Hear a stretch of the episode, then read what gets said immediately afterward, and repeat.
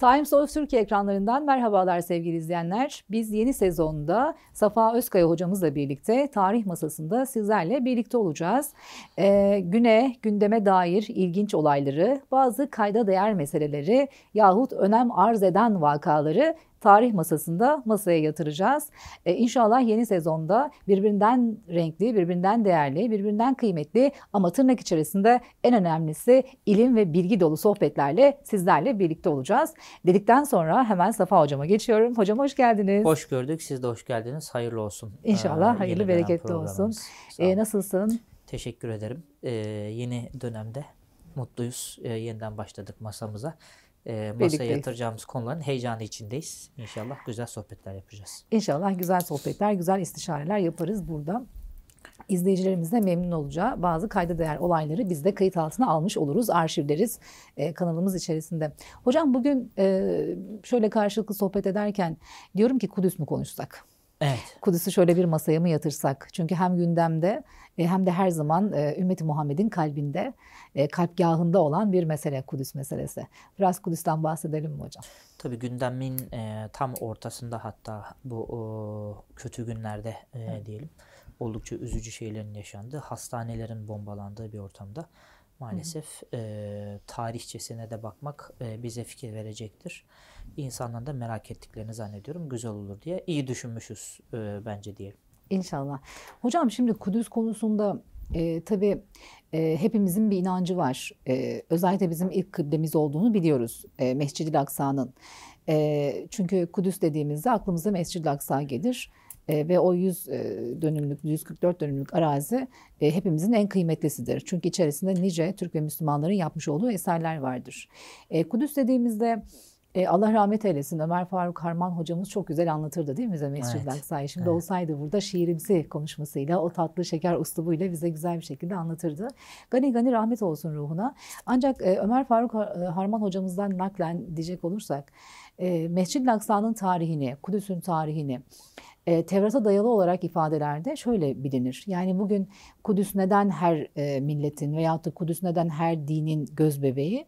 E, rivayet olunur ki Tevrat'ın ifadesine göre e, Tanrı yani onlara göre Tanrı diyeyim e, Tanrı gökten, cennetten bir taş kopardı. Bu taşı e, kainata bıraktı.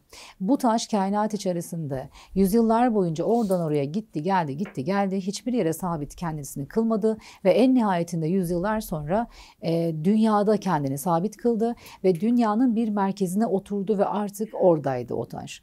E, bu taş bugün e, Mescid-i Aksa içerisinde olan yani bugün işte Filistin'in başkenti Kudüs, Kudüs'ün e, tam göz bebeği olan Mescid-i Aksa o 100, e, 144 dönümlük e, arazi ve bu arazinin içerisindeki bugün üzerinde Kubbetü Sahra'nın olduğu ve altında kaya muallak taşının bulunduğu Peygamber Efendimizin de miraca çıkarken son basamağı olan muallak taşıdır. Yani Yahudilerin inancına göre o taş çok kutsaldır. Bu taştan mütevellit de baktığınız zaman Davut peygamber cennetten kopan bir taş olduğu için kurbanını orada kesti. Namazını orada kıldı. Süleyman peygamber mabedini yaparken orada inşa etti. E, ve yine Musa aleyhisselam e, kutsal ahit sandığını getirdiğinde e, orada muhafaza etti.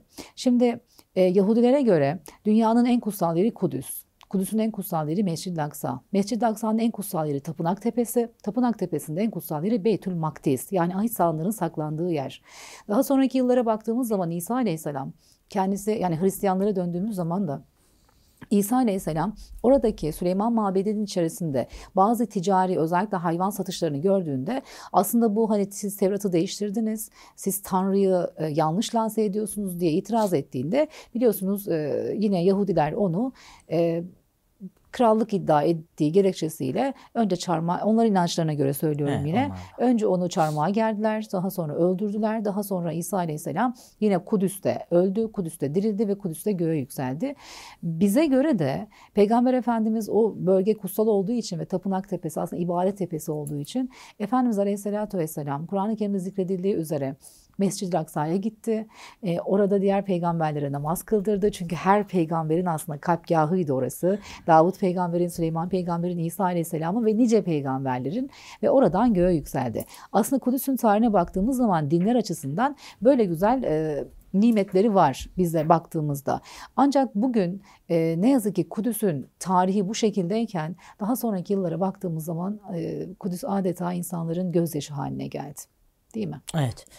Ee, gerçekten de şimdi bu özet üzerinden yola çıkacak olursak bu arada ben şunları düşünmüş oldum. Ee, bu kadar e, geniş özellikle dini temelli bir merkezden bahsediyoruz. Hı hı. Yani din ve hatta dinler ekseninde e, gelişmiş bir şehir. Milattan önce 2000 hatta 3000'lerden itibaren başlayan bir mazisi var. İşte e, en eski metinlerde İr Hakkodaş şeklinde hı hı. E, ismi geçiyor. Oradaki Hakkodaş'taki Kodaş e, Kudüs e, kelimesinin kökeni de olacak aynı zamanda. E, Aramice, Süryanice çeşitli isimler verilmiş e, dönemlerde fakat bunun üzerinde daha çok e, gidip geliyor. Bütün bunları düşünürken e, şu aklıma geldi. E, Kudüs e, çok önemli bir deniz güzergahı üzerindeki bir şehir değil. Evet. E, dünyanın en önemli hiçbir limanını değil, en önemli değil, hiçbir limanını elinde bulundurmuyor. Çok kritik bir geçiş noktası üzerinde değil. Hı hı. Yani aslında e, coğrafi olarak hiç de stratejik bir şehir değil. Evet. Yani Kudüs'ten geçmezseniz işte asla bir yere gidemezsiniz diyebileceğiniz bir durum da söz konusu değil. E, dünyada bu kadar stratejik öneme sahip olmadığı halde bu kadar önemli olan başka bir şehir yok. Şehirleri önemli kılan onların bulundukları daha çok coğrafi konum, işte stratejik e, hatta jeopolitik e, konumları yani coğrafyalarının onlara verdiği e, siyasi veya stratejik güç. Hı hı. E, ama Kudüs için bu geçerli değil. Yani Kudüs e, demin de işte e, konuştuğumuz gibi Mescid-i Aksa üzerinden, Ekseninde, Süleyman evet. Mabedi üzerinden ki hatta e, işte Justinianus'un da İstanbul'da Ayasofya yapan Justinianus'un da atıf yaptığı seni e, yendim ey Süleyman diyor evet, değil mi? Ayasofya inşa ettiğinde. Evet, seni yendim. Dolayısıyla e, Kudüs'ün e, bütün önemi aslında e, dinler ekseninden ortaya çıkmış. İşte üç semavi dediğimiz dinin içerisinde de e, aynı şekilde çok önemli bir yere e, sahip olmuş. Kudüs'ü dünyadaki herhalde diğer şehirlerden ayıran en önemli özellik bu. Hiç de stratejik bir konumda bulunmadığı halde böylesine önemli bir e, tarihte yer işgal eden işte e, arkeolojik çalışmalar gösteriyor ki e, 5000 yıla neredeyse yaklaşan bir e, yerleşme var orada. Hı. E, müthiş bir e, kültürel birikim var.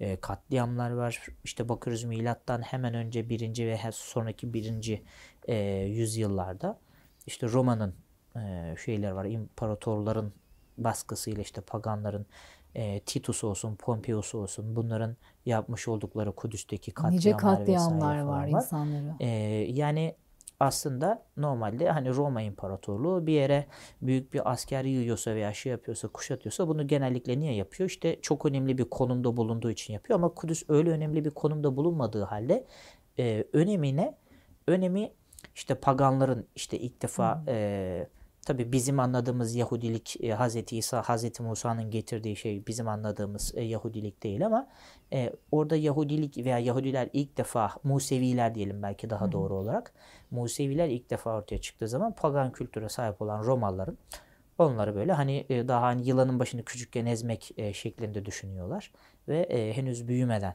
böyle bir şey yapalım diyorlar.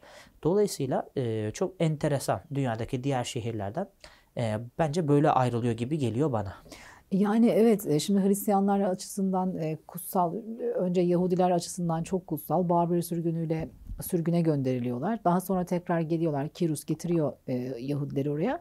Ancak baktığınız zaman Roma'nın oraya gitmesi ve e, Roma'nın hakimiyeti altında bir şekilde Yahudiler dinlerini yaşamaya devam ediyorlar. Tabii bir eziyetle yaşamaya devam ediyorlar ama İsa Aleyhisselam'ın e, gelmesiyle birlikte bir takım karışıklıklar meydana geliyor. Ama Yahudiler e, tarihi açısından baktığınız zaman e, Roma o dönemde pagan. Hı hı. E, ondan dolayı e, paganken e, bugün bizim işte Mescid-i Aksa dediğimiz Kubbetüs Sahra hani muallak kayası aslında kutsal olan kayadır. Bu arada Sahratullah diyoruz ya. Şimdi ben Osmanlı arşiv belgelerinde incelerken e, Kudüs'ü Mescid-i Aksa'yı e, Mescid-i Aksa diye çok zikretmez e, Osmanlı orayı. Sahratullah der. Yani e, sahra değil. Yani çölden bahsetmiyor. Sahra taş, taşın kubbesi. Hmm. Aslında hmm. biz Sahratullah dememiz lazım belki onu evet. zikrederken. Evet. Kutsal olan odur Tabii çünkü. kelime anlamı olarak. Tabii. Evet. Şimdi burada e, baktığımızda Pagan Roma bir Jüpiter tapınağı yaptırıyor. Kudüs'ü ele geçirdiğinde Jüpiter tapınağı yaptırıyor. Ama Roma 330'lardan sonra Hristiyan olunca, Hristiyanlığı kabul edince bu Pagan tapınağını yıkıyor ve oraya herhangi bir yapı yaptırmıyor. Bu defa orası Yahudilerin de çok önemsemediği, Hristiyanların da önemsemediği bir yer olduğu için burası adeta bir mezbeleliğe, bir çöplüğe dönüşüyor. Daha sonra tabii Hazreti Ömer'in e, oraya gidişiyle birlikte ki çok güzeldir Hazreti Ömer'in oraya gidişi. Hı hı diğer bütün şehre girişlerden çok farklı. Çok farklı. Çünkü ben çok önemsiyorum Safa Hocam bunu. Ee, Hazreti Ömer Medine'de e, İslam devletinin başındayken nice fetihler yapıyor. Ebu Ubeyde bin Cerrah, Halid bin Velid nice fetihler yapıyor. Ha, Şam dahi alınıyor ama e, Hazreti Ömer hiçbirine Medine'den kalkıp gitmiyor. Ancak Kudüs evet. teslim edilecek dendiğinde bir yaveriyle birlikte tek bir deva alıyorlar. Sırayla binmek suretiyle Kudüs'e kadar yola çıkıyorlar. Tam Kudüs'e girecekleri zaman deve binme sırası yardımcısına geliyor geliyor ve yardımcısındayken e, Hazreti Ömer'e diyor ki yardımcısı ey emirül müminin sen müminlerin halifesisin. Kudüs'e girerken sen deve üzerinde gir. Ancak insanlar gelmeye başlayınca önce devenin üzerindeki yardımcıyı Hazreti Ömer zannediyorlar. Daha sonra Patrik, Roma Patriği Sofranos geldiğinde diyor ki Hristiyan Patrik e, diyor ki biz Ömer'in adaletini öyle biliriz ki Ömer devenin yularını tutandır diye aslında Hazreti Ömer'i tanıyor ve Kudüs'ün aslında tapusunu kendisine veriyor. Ve bir Hazreti Ömer ona emanname veriyor.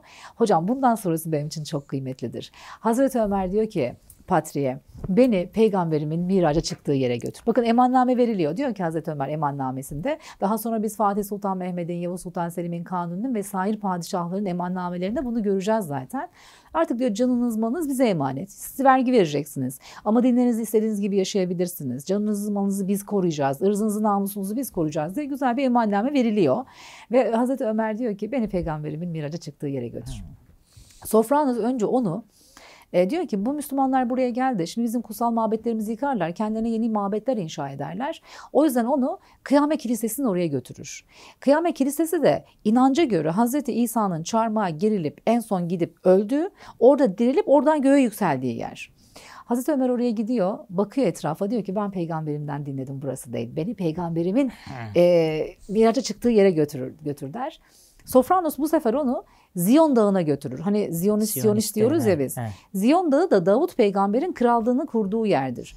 Şimdi Safa hocam dünyadaki Yahudiler e, yılın bir bayramında haydi Ziyon'a, haydi Ziyon'a diye birbirlerini çağırırlar. E, Yom Kippur bayramı gibi bayramlarda hani haydi krallığa, haydi Kudüs krallığına manasına gelir aslında. Ziyon burasıdır ve Kudüs'ün dışında bir yerdir, sivri bir tepedir. Hazreti Ömer'i buraya götürdüğü zaman Hazreti Ömer'e der ki burası değil beni peygamber bak beni peygamberin miraca çıktığı yere götür der. Sonra Hazreti Ömer'i oraya götürür. Yani Mescid-i Aksa tepesine götürür. Hazreti Ömer burada orayı tanır. Ve o sırada kendisine Bilal-i Habeşi ile Ebu Ubeyde bin Cerrah katılır Hazreti Ömer'e. Ve Bilal-i Habeşi e, Hazreti Ömer bakar etrafa o kutsal kayanın üzerine çöplüğe döndürmüşler. Elleriyle temizlerler. Ve sonra oraya küçük böyle bir gölgelik inşa ederler. Namazlarını kılacaklar. Bilal Habeşi'ye der ki ey Bilal ezan okur musun? E, Bilal Habeşi gözlerine bakar. E, der ki e, bilirim okuyamazsın. Çünkü Peygamber Efendimiz öldükten sonra Hazreti Bilal Medine'den göçmüştü. Gitmişti. E, ezan okuyamaz hale gelmişti. Peygamber Efendimiz Muhammedun Resulullah kelimesine sıra geldiğinde hüngür hüngür ağlar ve ezan okuyamaz haldeydi. Bir gece Medine'ye gizlice girer. Peygamber Efendimiz'i rüyasında görmüş. Ey Bilal beni ziyarete gelmez misin demişler. Demiş Peygamber Efendimiz. Ve Bilal Habeşi gece yarısı girerken tam yaslı vakti Hazreti Hasan ve Hüseyin görür onu. Der ki ey Bilal bir ezan oku Mescid-i Nebevi'den. Hazreti Bilal ezan okuduğunda bütün Medine halkı akın akın Mescid-i Nebevi'ye koşmuş ki peygamber mi dirildi? Bilal ezan okuyor. Böyle bir hadise ve Hazreti Ömer der ki Kur'an'da ismi geçen üç yer. Mekke, Medine, Kudüs. Burada da ezan okuyor ey Bilal der. Ve e, Mescid-i Nebevi'de ezan okuyan Bilal ikinci ezanını Peygamber Efendimiz'den öldükten sonra ikinci ezanını Kudüs'te Mescid-i Aksa'da okur. Orayı da o ezan sesiyle çınlatan, ilk çınlatan yine Bilal-i Habeşi'dir. Yani Kudüs aslında Müslümanın gönlündedir, Müslümanın kalbindedir. Bizim e, Kudüs e, ümmeti Muhammed'in bence kalpgahıdır. Mekke, Medine'den sonra. Eyvallah. Oradaki e, eski tapınak, e, tapınan böyle yanlış hatırlamıyorsam e, Zelot adlı kitapta e, bir plan görmüştüm. Eski mabedin e, planı. Evet. E, gördüğüm planla bir şey kafamda çok eşleşti. Allah Allah diyorum ya ben burayı nereye benzetiyorum acaba falan diye. Sonra e, Ankara'da e, Hacı Bayram e, türbesinin hemen yanındaki meşhur tapınak. Ankara'daki hmm. Apollon Tapınağı. Şu an şeyleri var zaten. Evet, arkeolojik sütunları vesaire falan orada var. duruyor. Hatta o iç e, mekan da orada duruyor falan. Sonra oraya gittiğim zaman e, gerçekten de böyle bir etkileyici bir ortam. Ve e, Hacı Bayramı Veli Hazretleri de orada e, şeyi yıkmamış. Hani oradaki pagan tapınağıdır Yıkmıyor, bunu demiş. Evet. Yıkmamış. Orada duruyor falan. E, şimdi bizim mesela İslam inancında ne vardır? İşte her peygamber gelir e, bir e, işte dini Allah'ın dinini bizim anlayışımıza göre İslam'ı getirir. Fakat daha sonra e, bunlar bozulur. Dolayısıyla aslı farklı değildir. Fakat daha sonradan sapmıştır ve bunlar sürekli yenilenir. Tecdid edilir yeni gelen peygamberle birlikte. Dolayısıyla oradaki mekanlar aslında gerçek anlamda İslam'ın farklı bir yeri değildir. Orasıdır. E, fakat ritüelleri farklılaşmıştır. Dolayısıyla evet. mekan aynı mekandır. Bir gün e, Birol Çetin Hoca ile eski Türk Tarih Kurumu Başkanımız Ankara'da e, sohbet ederken e, çok e, böyle etkileyici bir şekilde bak bu tepe boş değil hoca dedi. Böyle tamam mı? Ondan sonra yani hani buraya boşuna gelip kurmadı buraya evet, e, dergahını evet. falan gibisinden deyince o sırada gözümde canlandı işte o tapınak. Tabii ona e, bir sürü kurbanlar vesaire çeşitli e, törenler var. Oraya girilemeyen kısım da var. Hani kutsal mabedin bir iç kısmı var. Oraya evet. sadece e, çok çok e, seçkin bir kişi giriyor falan diye. Ben hiç maalesef Mescid-i Aksa'yı görmedim e, gerçek hmm. hayatımda. E, hayatımdaki önemli eksikliklerden birisi olarak görürüm. İşte tam niyetine girecekken bir karışmıştı sonra tekrar karıştı. E, inşallah hani gitmeyi çok istiyorum ama gittiğim inşallah. zaman muhtemelen yani orası boş değil. E, Birol Hoca'nın söylemiş olduğu bak burası boş değil evet, e, evet. falan. E, bunu gerçekten de o tarihi e, işte kayalıkların veya işte taşların üzerindeki o eski patina etkisi diyorlar. Ona bakıp mı hissediyoruz, nasıl hissediyoruz bilmiyorum ama gerçekten de insan şöyle bir yer. Gerçekten de burası boş değil. E, nitekim e, orada ben tabi sonradan e, duyup haber aldığımızda pek çok işte Yahudi e, mezarlarının da orayı parsel parsel böyle yavaş e, yavaş çok pahalı evet doldurmaya başladıkları. Çünkü oraya e, tapulamış oluyorsunuz bir nevi. Hani burası bizimdiri. E, her seferinde söylemiş olduğunuz bir şey. E, işte tarihi eserlerin önemi de orada tekrar evet. ortaya çıkmış oluyor. E, sizin orada tarihi eseriniz var olduğu müddetçe diyorsunuz ki bura bizim. O sizin aslında oradaki e, tapu senediniz. E, aslında bugün şimdi biz İstanbul'da yapıyoruz programı. İstanbul'un Kasımpaşa, Kasımpaşa semti var. Hı hı. E, mesela Güzelce Kasımpaşa'sıdır Kanuni Sultan Süleyman döneminin. Hı. Ama gittiğiniz zaman hemen o Kubbetü Sahra'nın yan tarafında Kasımpaşa'nın bir seveli var. Mesela yine Kanuni Sultan Süleyman diyoruz avlusunda. Yani aslında e, etrafına ne kadar çok mezarlıklarla doldursalar da bugün Mescid-i Aksa'nın içerisinde e, bakın bugün e, mesela Mekke'de ve Medine'de en son Eccat Kalesi'ni yıktılar biliyorsunuz. Maalesef. E, sadece Osmanlı'nın o revakları kaldı e, etrafında. Onları da hani bir dönem kaldırmışlar sonra tekrar koydular. Ancak Mekke'de ve Medine'de ee, bir de bir şey daha var Yeşil Kubbe. İkinci Mahmut'tan emanet. Daha önce mordu o kubbe hı hı. ve sonrasında ikinci Mahmut yeşil hale getirdi. Mescid-i Nebevi'de bu var. Hı hı. Başka herhangi bir Osmanlı yapısı görmüyorsunuz. 1970'lerde 60'larda kadar dahi olmasına rağmen şu an görmüyorsunuz ama Mescid-i Aksa'nın içerisine girdiğiniz zaman oradaki yapıların özellikle Memlükler döneminde ve Osmanlı dönemi, Osmanlılar döneminde olmak suretiyle e, oradaki yüzü 50'yi aşkın yapının yaklaşık %82'sinden fazlası Türk ve Müslümanların eserleridir. Hani tapu diyoruz ya. Evet, bizim evet. işte güzelce Kasımpaşa'mızdan tutun Hürrem Sultan'a kadar hemen her sultanın orada mutlaka bir eseri vardır. Hatta hocam İbn Arabi şöyle bir şey anlatır Mescid-i Aksa ile alakalı. Diyor ki bu Türkler enteresan insanlar. Azıcık diyor biz Mescid-i Aksa'nın avlusunda diyor talebelerle ders yaparken orada çünkü dersler yaptı İbn Arabi. Diyor ki avlusunda dersler yaparken bu diyor Memlükler diyor birbirleriyle kavgaya tutuşurlardı. Ama diyor ilme ve alime olan saygılarından dolayı hemen diyor sen bir dışarı gelsene derlerdi. Tartışırlardı. Şimdi Mescid-i Aksa'ya gidenler varsa inşallah şu savaş dursun, bu sıkıntılar giderilsin, orası bir huzura gark olsun. Gidenler lütfen Mescid-i Aksa'nın o çevresindeki e, medreselerin şöyle kapı üstlerine baktıkları zaman orada uzun sopalar görecekler. O uzun sopalar oradaki Türklerin en eski oyunu çevgandır at üzerinde topla oynarlar. O sopalar hala orada durur. Aslında hani Kudüs bizim meselemiz mi değil mi diye çok da konuşuldu ya hala konuşulmaya devam ediyor. e, Kudüs Tuğrul Bey'le birlikte daha sonra Sultan Alparslan'la e, daha sonrasında Selahaddin Eyyubilerle, İmamettin Zengilerle, Nurettin Zengilerle ve sonrasında Salih Necmettin Eyyubi ile birlikte Kudüs Türk'ün yadına düştükten sonra ve özellikle Salih Necmettin Eyyubi ve nihayetinde Yavuz Sultan Selim'den sonra Kudüs daima bizim emanetimiz oldu. Evet. Kudüs bizim emanetimiz. Kudüs bizim kalbimiz. O yüzden Kudüs bizim meselemiz mi? E Sultan Alparslan Anadolu, Anadolu'ya girmek istemiyordu ki. Sultan Alparslan sonrasında belki Anadolu'ya gelecekti. Mısır seferine gidiyordu. Şa, e, Kahire, Şam Kudüs benim olsun istiyordu. Tabii. Aslında yönü o tarafa dönüktü. O yüzden bizim meselemiz mi? E Sultan Alparslan'ın meselesi ise bizim meselemizdi. Yavuz'un meselesiyle de bizim meselemizdi zaten. Kudüs bizim meselemiz. Tabii. Orada zaten e, Alparslan'ın e, hareketi Bizans üzerine e, doğru değil. Fakat buna rağmen biz o yüzden şöyle anlatıyoruz. 1071 Malazgirt aslında Türklerin Bizans'a karşı düzenlediği bir sefer değil. Oradan geçerken Bizansların bir taarruzu üzerine yaptığı bir e, savunma muharebesi aslında. E, bu arada bir ismi daha e, eklemekte fayda var. E, Selçuklu yine Türklerinden 1071 yılında Malazgirt'in hmm. hemen akabinde e, şehirdeki Fatımi halifesinden e, halifeliği e, alıp daha doğrusu Atsız bin Uvak e, evet, adı e, bir Türk. O da tabii 20 seneye varmayan e, bir süre. Fakat e, Fatımilerden alıyor e, şeyi e, halifeliği. E, burada e, 1071 ve daha sonra işte Selahaddin Eyyubi ve daha sonraki süreçlere baktığımız zaman e, şöyle bir istatistik göze çarpıyor. E, bizim bilhassa Türklerin e, bölgeyi her ele geçirişindeki bir önemli hedef de Kudüs olmuş. Evet. Yani o yüzden hani bu seferlerin birer amacı da Kudüs. E, bu sadece e, hani bizim abartmamız veya bizim e, ifadelerimiz değil. Bunu e, sadece biz değil Haçlılar da böyle görüyorlar. Yani hı hı. 1099'da e, Haçlı Seferi yapıldığı zaman e, hedef Kudüs'tü.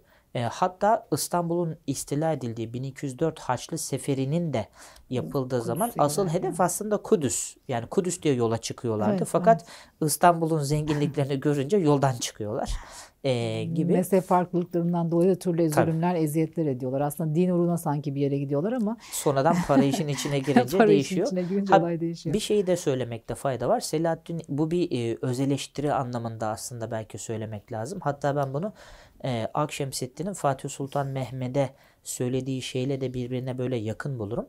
E, Selahaddin Eyyubi diyor ki e, siz burada aslında çoğunuz diyor bazılarınız diyor para pul için buradasınız diyor. Ben bunu bilmiyorum zannetmeyin. Bunu kendi askerlerinin bir kısmına diyor. Hepsine değil tabii ki. Ama diyor şu karşı, karşınızda gördüğünüz Haçlı ordusunun diyor.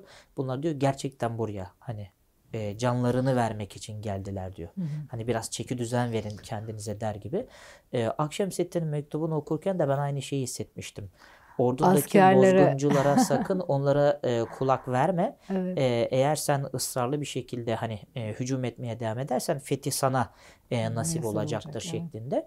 Evet. E, dolayısıyla orada şunu da görüyoruz. Yani bir yandan her zaman öz eleştiri var. Bunu evet. da yapmak lazım. Çürük elmalar her zaman var. Hı hı. E, Selahaddin Eyyubi'nin e, nitekim hani Kudüs'teki muharebesinde de e, bunu görüyoruz.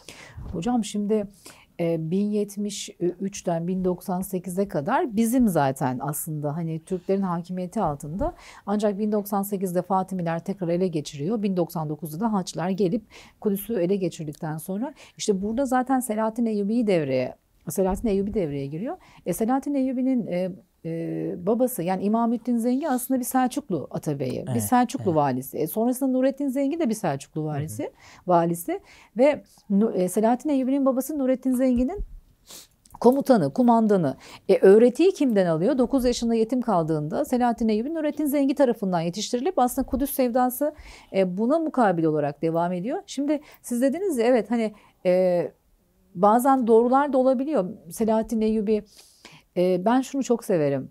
Diller seni e, Kudüs Fatihi diye ansın ey Yusuf dediler Selahaddin'e. Hmm. Bağdat'taydı 8-9 yaşlarında daha bir çocukken sürekli bir hikayeyle büyüyor. Bir marangoz var. Marangoz e, bir minber inşa ediyor. Eliyle e, güzel bir şekilde oyuyor ve her gelen satın almak istiyor aslında kendi camine koymak için. Çünkü biliyorsunuz İmamettin Zengi ve Nurettin Zengi 52 tane Haçlı şehrini alıp Müslüman şehri yapıyorlar. Ama bu camilerin hiçbir tanesi Ulu camilerine de olsa koydurmuyor. Diyor ki ben Mescid-i Aksa için burayı e, bu minberi yaptım. Hı hı hı. E, diyorlar ki Mescid-i Aksa Haçlı çizmesi altında çiğneniyor. Mescid-i Aksa yıllardır neredeyse 70 yıldır Haçların elinde nasıl koyacaksın? O da diyor ki ben sadece ve sadece bir marangozum. Ben minberi yaparım. Bir yiğit de çıksın bunu oraya koysun. Hmm. Şimdi zikredilir ki Selahattin Eyyubi bu öğretiyle büyüdü aslında. Bu öğretiyle Kahire'de, Şam'da eğitim aldı. Nurettin Zengi iyi yetiştirdi Selahattin Eyyubi'yi. E, Kudüs Fatihi oldu. Haçlara karşı ben bir de Selahattin Eyyubi'nin en sevdiğim taraflarından bir tanesi herkese merhametli. Şarkın en sevgili sultanı demiş Akif ona. Ancak e, tapınak şövalyelerine hiç acımıyor. en sevdiğim taraflarından bir tanesi o. E, Selahaddin Eyyubi haliyle e, baktığınızda Kudüs'ü alıyor ama kardeşi ve oğlu kendisinden sonra vefat, Selahaddin Eyyubi 1193'te vefat ediyor. E, kardeşi ve oğlu iyi bakıyor, yani iyi idare ediyor Kudüs'ü. Ancak torunu Kamil bin Adil ne yazık ki kendi eliyle anahtarını teslim ediyor. Ancak Maalesef, Kamil evet. bin Adil'in oğlu Salih Necmettin Eyyubi e, kölemen Türk çocuklarını alıyor Anadolu'dan. Moğolların kestiği, doğradığı, anne babalarından yetim kaldığı o çocukları alıyor, yetiştiriyor asker diye. E, öbür taraftan da Herzemşahlar Devleti'nin komutanlarını, ordusunu iki Türk ordusuyla birlikte Kudüs'e doğru tekrar yürüyünce Kudüs'ü almayı başarıyor. Bazen zalimden alim, bazen alimden zalim doğabiliyormuş tarih sürecine baktığımız evet, zaman. Tarihin garip garip hadiseleri var ve aslında en sevdiğim taraflarından bir tanesi e, ben bunu oraya gittiğimde bir tarihçi olmama rağmen oraya gittiğimde öğrenmiştim. Yavuz Sultan Selim e, Mekke'ye Medine'ye değil Kudüs'e gitti. O Mescid-i Aksa'nın etrafında kimi 12 bin der kimi 14 bin Şam'dan aydınlattı ve askeriyle burada namaz kıldı. Hı hı. Ve o avlu hala Yavuz Sultan Selim'in avlusu diye anılır. Evet. Yani Kudüs kimin ya da Kudüs neden bizim meselemiz? Çok mevzudan bizim meselemiz aslında Kudüs. 1517'den 1917'deki e, evet. terk edişimi tam 400 yıl boyunca e, Kudüs'ün tarihine baktığımız zaman bizim orada bulunduğumuz müddet içerisinde e, huzur içinde yaşanmış e, bu hani ilk zamanlardan Hazreti Ömer'in girişinden başlayarak. Özellikle çok din e, mensupları değil mi? Yani evet, yani hani sadece Müslümanlar huzur içinde yaşamış değil. Evet. E, orada hani Yahudiler tarihlerinde uğradıkları en büyük zulümü Kudüs'te gördüler. Yani bugün zulmediyorlar ama kendileri aynı yerde zulme en büyük uğrayanlardan e, birisi olmuştu millet olarak. Buna rağmen zulmetmeleri de zaten e, evet. ne kadar acı bir şey. Diğer taraftan hani hem Selahaddin Eyyubi'nin olsun hem e, Atsız bin Uvak'ın hem e, yine Yavuz Sultan Selim'in şehre girişlerine bakın. Bu dört tane şehre girişi diğer bütün şehre girişlerle mukayese ettiğimiz zaman ve e, şehri e, ele geçirdikten sonraki yaşanılan o barış süreci, barış ve huzur sürecine baktığımız zaman bizim Kudüs tarihinin neresinde durduğumuz çok net bir şekilde belli olur diyebiliriz herhalde. Neresinde durmamız gerektiği de belki belli olur. Çünkü bütün e, Hristiyanlara göre Yahudiler teoisttir. Yani tanrı katilidir. Çünkü Hristiyanların tanrısını İsa'yı onlar öldürdü. Evet. O yüzden evet. birbirlerine hiçbir zaman bakmayın şimdi hani birbirlerine çok destek oluyormuş gibi davranıyorlar ama yarın öbür gün hepsi Kudüs'ün krallığını aslında cennetin krallığını istiyorlar. Bunun filmini dahi çektiler. Evet, evet. E, ancak onlar inanıyorlar ki Yahudilere göre Mesih gelecek. Çünkü inanmadılar İsa'nın Mesih olduğuna ve o kutsal kayanın üzerine tahtını kuracak. Hristiyanlara göre İsa gökten inecek, kutsal kayanın üzerine tahtını kuracak ve kendi e, dindaşları cennete girecek. Ancak bugün İslam'ın tahtı var, Kubbetü Sahra. İslam'ın kubbesi var, Kudüs'te Kubbetü Sahra'nın üzerinde. Ve inşallah hep de öyle kalacak diye ümit edelim. Hocam. Bitirdik. bitirdik. Hızlı geçmiş yine bir geldik. yarım saat. İnşallah yeni bir programda, yeni bir sohbette, İnşallah. tarih sonraki... masasında, tarih olayları masaya yatırmak suretiyle buluşmak ümidiyle diyelim. Evet, seyircilerimize de teşekkür ederim. edelim. Sevgili izleyenler, bugünlük bizden bu kadar. E, haftaya yeni bir programda yine tarih olayları masaya yatırmak üzere diyelim. Kaleminiz hikmete, ilminiz doğaya, ram olsun inşallah. Tarihle kalın.